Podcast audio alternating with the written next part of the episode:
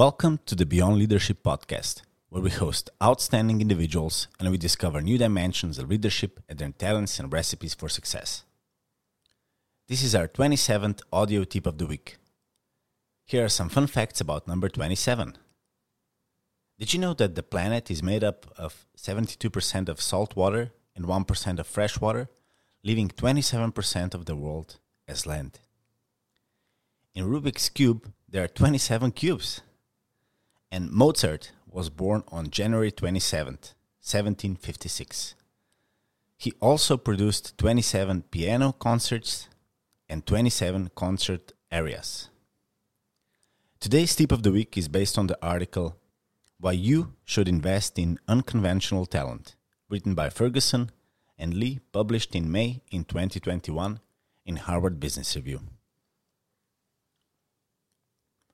The importance a building diverse organization has been well established. Diversity is linked to greater innovation and performance, and research has shown that more diverse companies have higher profits than their more homogeneous counterparts.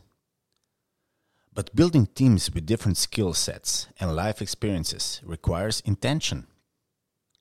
By designing inclusive hiring practices, and letting go of the notion that there's one ideal candidate type for a role, you can create more opportunities for a range of candidates who are more than capable. It requires thinking beyond the confines of traditional hiring. Prepare for new hires who will shake up your worldwide and challenge assumptions about career paths, and then continue investing in their growth. Together, you can chart an unconventional course towards an inclusive workplace that welcomes extraordinary talent. To make your hiring process more inclusive, especially of applicants who may have non traditional backgrounds, adopt these three strategies. Number one, help unconventional candidates envision themselves at your company. When you're writing a job description or interviewing a candidate, paint the big picture of a role rather than a checklist of specialized skills, degrees, or years of experience. Number two, focus on potential rather than pedigree. When interviewing, ask questions that help you understand not just why they've done, but what they're capable of. For example, an open ended question like, what were you doing the last time you looked at a clock and you realized you had lost all track of time? Can help you uncover intellectual curiosity and understand what motivates someone. And number three, don't obsess over job titles.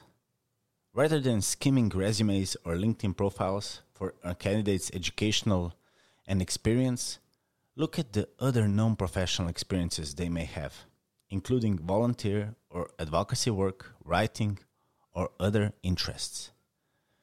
Those endeavors can often be more telling than a job title.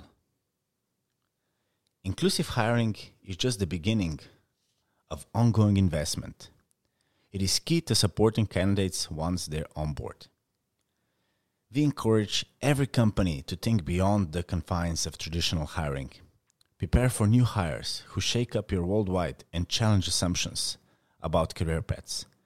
Continue investing in their growth. Together, chart an unconventional course towards the destination, an inclusive workplace for extraordinary talent. Always asks to question Do you have inclusive hiring? And second, how do you go about it? How do you make it happen? This was this week's tip of the week. Make sure to subscribe and follow us on all podcast channels like Spotify, Apple, Google, Castbox, and also follow us on YouTube, LinkedIn, Instagram, and Facebook.